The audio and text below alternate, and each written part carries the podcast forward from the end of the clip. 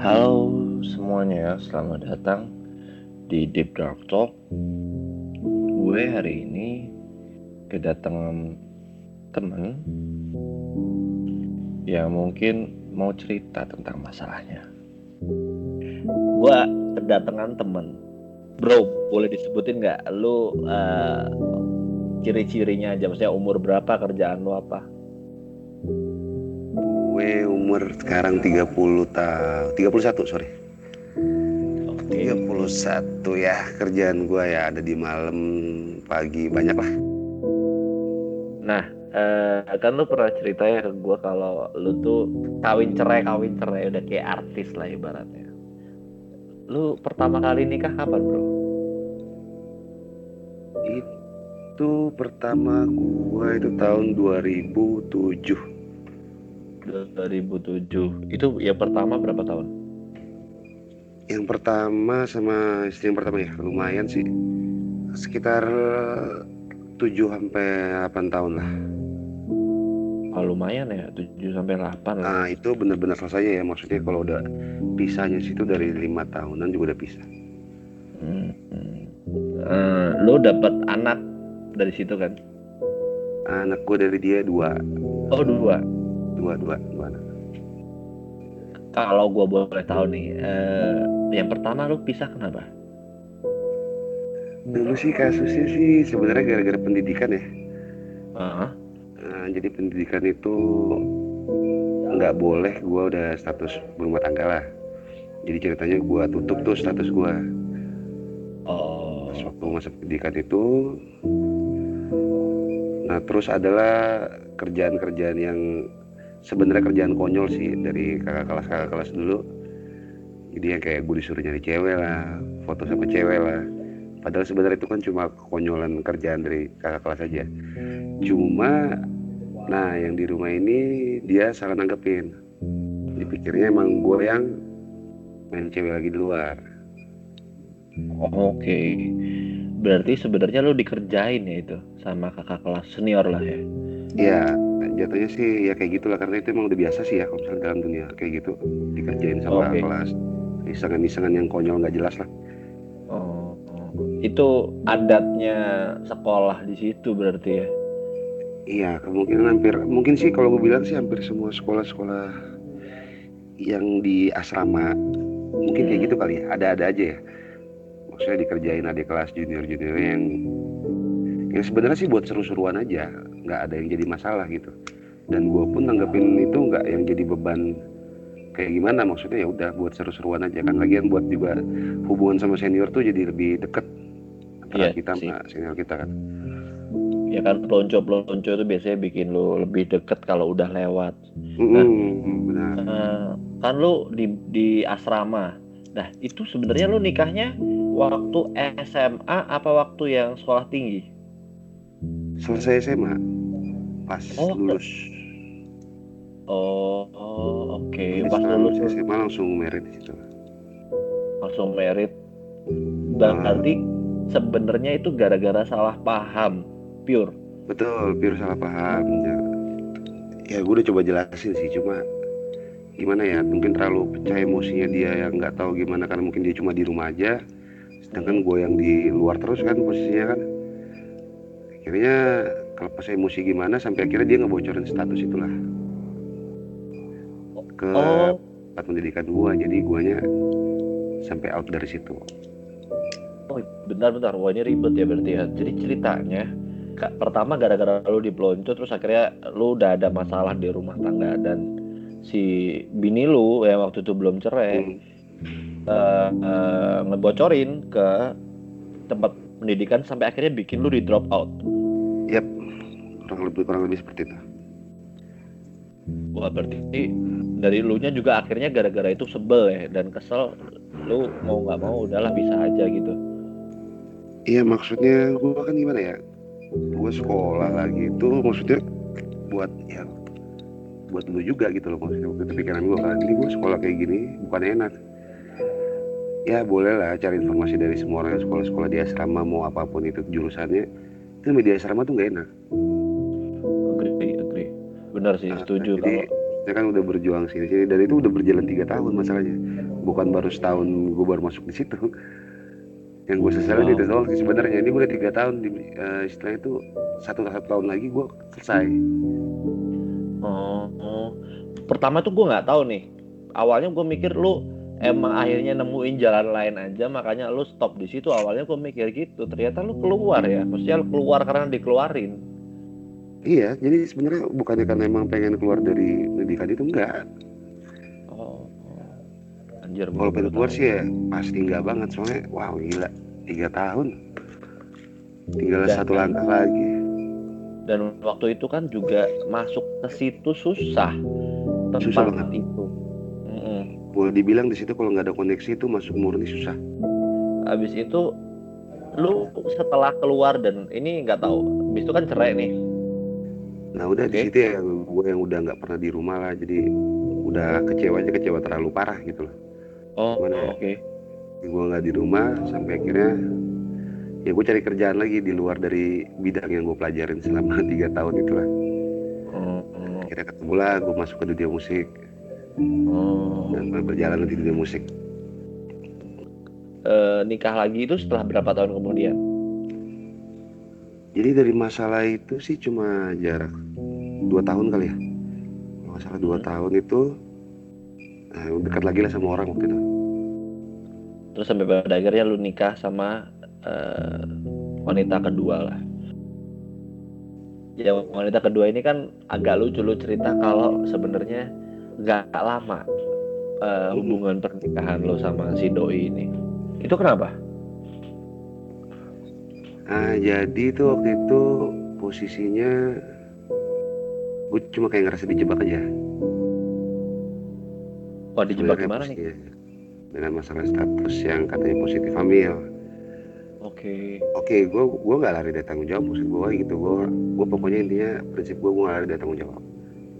Kalau gue salah ya gue hadapin.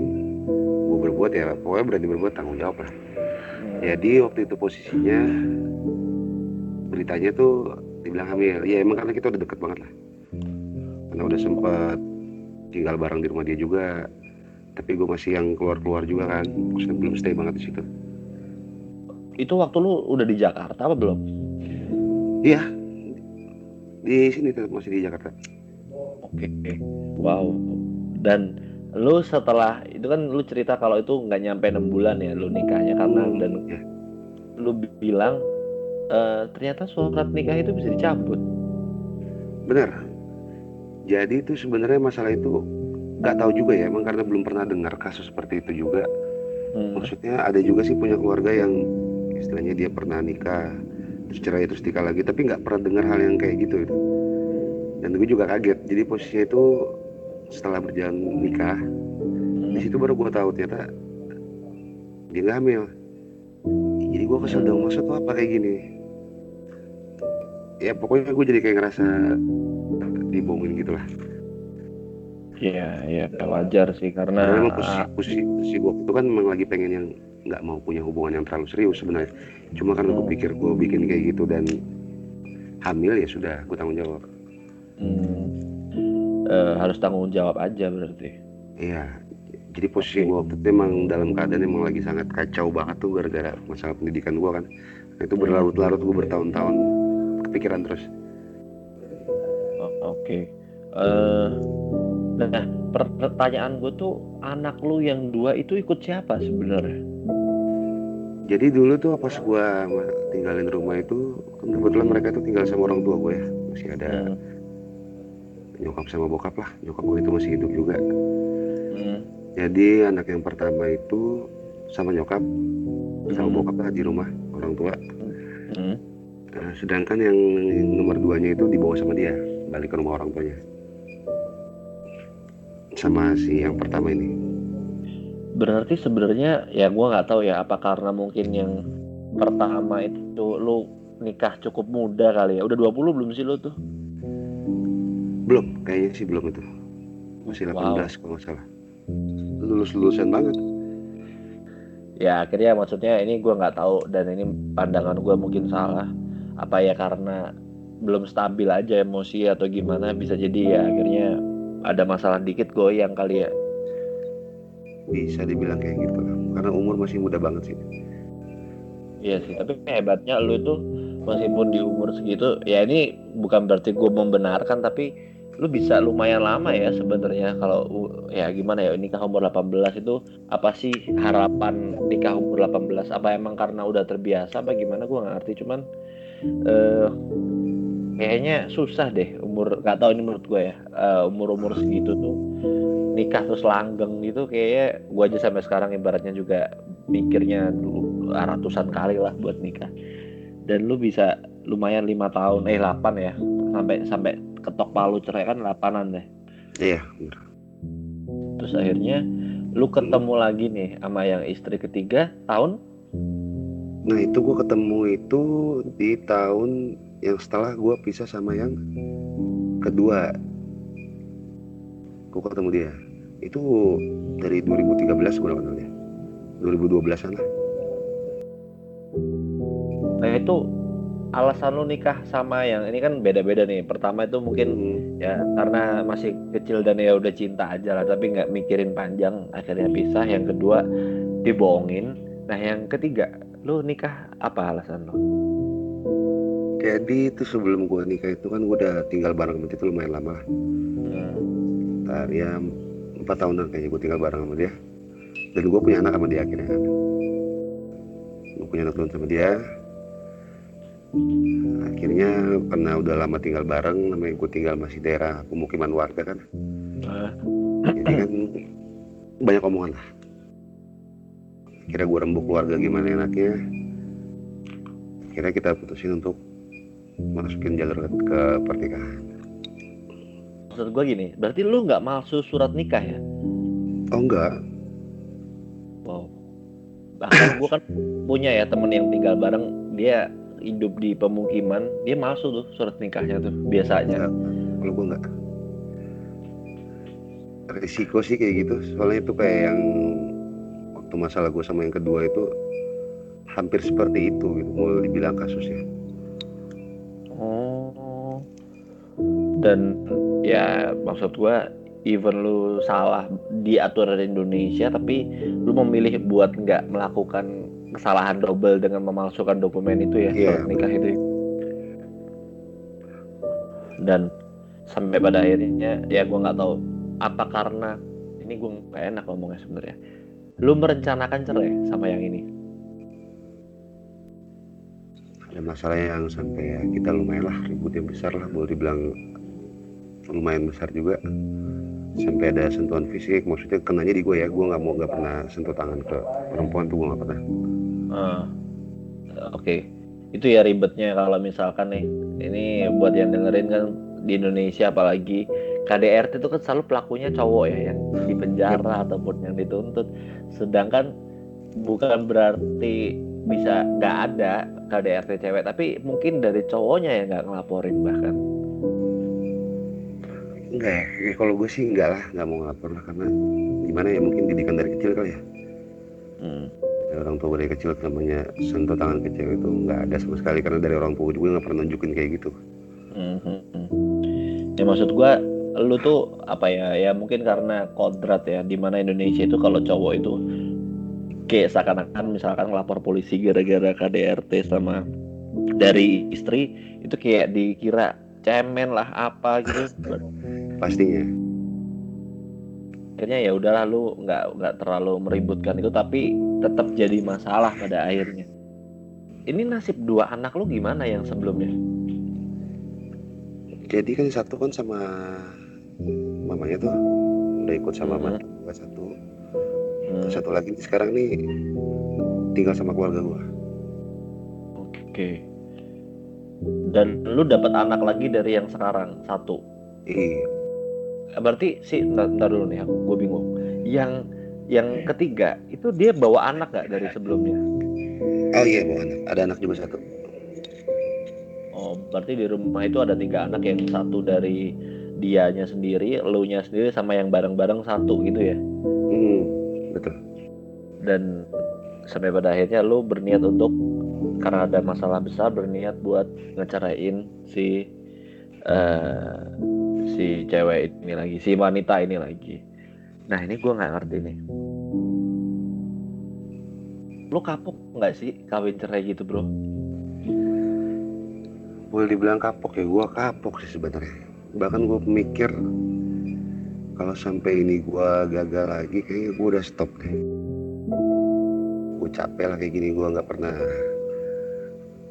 nggak pernah berhasil aja di dalam dunia kayak gini kan. Maksud gue terus yang gue pikir gue udah punya anak benar-benar anak gue ada tuh ada tiga jadi semua kan. Ya gue sempat mikir kenapa nggak gue kerja gue hidup sendiri tapi gue fokusin buat anak-anak gue aja udah hmm. jadi semuanya cuma buat anak dah. Jadi gue nggak mau mikir ini ini gue nggak mau pikir punya hubungan. Oh. sempat kepikiran kayak gitu sih capek aja. Eh, waktu lu tinggal bareng itu ada masalah nggak bro? Nah iya itu dulu tuh udah sempat ada masalah sih sebenarnya. Oh, jadi dulu itu kan gue udah lama tinggal di situ. Kebetulan anakku juga udah tinggal di situ juga. Sampai ada masalah masalah itu lumayan gede gue sempat diusir dari situ. Jadi anak gua gua nggak tahu harus bawa ke mana. Akhirnya tinggal di sepupu gua lah saudara gua. Tinggal di saudara gua karena gua nggak bisa bawa jalan kan. Gua kan biar bagaimanapun gua harus tetap jalanin kerjaan gua nih. Gua udah kerjaan sini sini. Nah, udahlah waktu itu akhirnya lama tuh. Kejadian itu pokoknya ribut itu masalah itu lama lah. Sampai akhirnya kita ketemu lagi baik lagi. Dan emang waktu itu ya gimana ya gue udah coba. Gue jadi waktu itu gue balik itu gue balik sendiri posisinya. Gue balik situ lagi sendiri. Sampai akhirnya itu yang tadi gue bilang kayak kita mau ngomongin masalah pernikahan. Dan di situ mungkin kesalahan gue itu gue waktu itu nggak mau terlalu ambil pusing omongan dia masalah emosinya dia dia bilang ya pokoknya anak gua nggak bisa di situ. Dia nggak bisa ngurus. Dan waktu itu posisinya tuh berita tuh udah jebar ke mana-mana. Dan keluarga semua udah ambil bagian masing-masing dari dari masalah yang mau nikah inilah. Gimana ya gua kayak maksud gue gini gua ngecewain orang tua gue tuh udah kesekian kalinya gitu. Apalagi dalam masalah ini masalah pendidikan gue banyak hal gue komunikasi sama orang tua. Lah waktu itu Ya, waktu itu posisi tinggal bokap doang kan soalnya nyokap udah almarhum. Ya jadi kayak bokap juga berat juga waktu itu posisinya bokap juga bilang lu sampai kapan mau bikin malu orang tua lagi? Ini udah nyebar ke mana-mana. Jadi sebenarnya beban moral juga sih waktu itu posisi gue gimana ya? Cuma cuma gue gue gue kuatin diri aja gue bilang ya udahlah mungkin apa salahnya gue coba dulu. Berharap nanti ke depannya ada jalan biar bisa kumpul bareng lagi gitu. Maksud gue sama anak gue ini. Berarti sebenarnya si ya nggak tahu ya. Lu tuh waktu akhirnya memutuskan menikah itu demi anak lu ini berarti sebenarnya? Mm-mm, karena kan gue ada anak juga tuh sama dia. Ah, ah. Biar ada kejelasan status lah kasarannya gitu ya. Betul karena waktu itu kan dia kan udah umur juga tuh udah bentar lagi mau sekolah jatuh posisinya kan. Mau masuk TK dan segala macam TK lah waktu itu ya. Cuma kan surat-suratnya segala macam kayak akta apa itu sampai saat itu belum ada karena belum bisa diurus. Sebenarnya kalau kayak mau jalur nembak atau apa apa itu bisa. Cuma gue nggak pernah mau yang kayak gitu tuh gue apalagi berarti buat anak kayak gue nggak mau ada palsu-palsu data kayak gitu kalau misalnya pun gue pernah ngelakuin gue pernah ngelakuin pemalsuan data sih tapi buat keperluan pribadi gue gitu cuma kalau gue buat anak sih gue nggak mau lah ya nggak ada ya nggak ada jalan lain sebenarnya biar buat eh, nge apa ya ngelegalin anak yang dari istri ketiga itu ya Mm-mm. Nah. banyak nawarin gue tuh jalan-jalan singkat cepet nembak aja kayak gini Heeh. Aduh gue bilang gak gue gak gue mau gue mau masalah maksudnya itu masalah masalah gue yang awalnya sampai gue Ah. punya anak jangan sampai ke bawah ke anak gue gitu. Jadi cukup sampai gue aja. Jadi anak gue jangan ke bawah masalah gue Iya karena kalau dipikir-pikir kasihan kalau misalkan nih contoh lu ngepalsu dan akhirnya ya kalau mungkin waktu dia kecil sih mungkin nggak ada masalah. Misal kalau ntar dia gede kuliah atau apa akhirnya dibahas lah aktenya palsu lah. Wah itu nggak lucu sih asli sih. Iya kan jadi kesannya ntar yang ada dia mikir sebenarnya orang tua gue apa bukan sih Ini. berarti si istri lu lu kan cerita kalau misalkan dia nggak mau tuh uh, ngurusin tiga anak yang satunya yang dari lu tuh dia nggak mau hmm. itu lu, lu udah coba komunikasikan dan dia nggak mau iya jadi itu tuh udah pernah dikomunikasiin kan setelah gue nikah juga udah pernah dikomunikasiin sampai akhirnya kita ribut lagi waktu itu cuma nggak mau juga. Jadi menurut gue oke berarti ini mau udah benar-benar nggak bisa kan? Hmm. berarti sekarang gimana caranya? Solusinya? Pas waktu kejadian ribut itu jadi dia sempat juga ngucapin tuh kata-kata gini ya udah kalau mau cerai cerai aja. Udah oke gue urus. Perlu sabar. Nah saya kalau di dalam agama gua kan nggak bisa tuh segampang itu tuh maksudnya kan prosesnya banyak banget dan gue udah ngalamin itu. Di yang pertama itu ribetnya minta ampun gue aja sampai kelar waktu itu. Dua tahunan kali pengurusan itu baru selesai.